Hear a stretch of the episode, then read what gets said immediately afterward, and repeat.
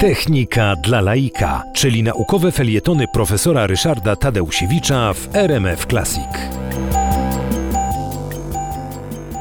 Opowiadałem Państwu w tych moich spotkaniach z Państwem o różnego rodzaju modelach biocybernetycznych, różnego rodzaju systemów.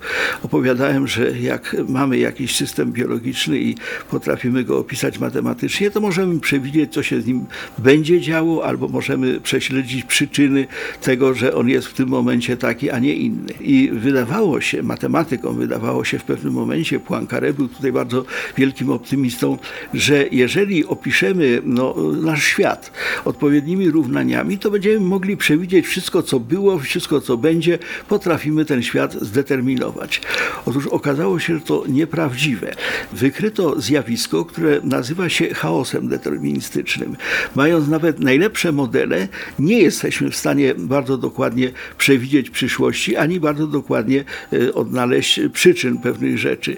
Dlatego, że e, chaos deterministyczny, to znaczy pewna cecha e, właściwie właściwości matematycznych opisów rzeczywistych systemów y, powoduje, że bardzo maleńka zmiana w obrębie y, no, tego systemu, który modelujemy, może mieć katastrofalne skutki w odległej przyszłości.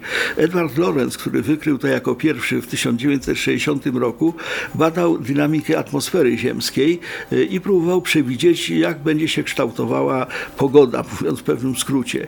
I w tym momencie okazało się, że właśnie no, maleńka pomyłka, jeżeli chodzi o liczbę danych, spowodowała gwałtowną zmianę zachowania całego systemu. Nazwano to efektem motyla, że e, łopot skrzydeł motyla gdzieś tam w dżungli nad Amazonką spowoduje tajfun na Florydzie.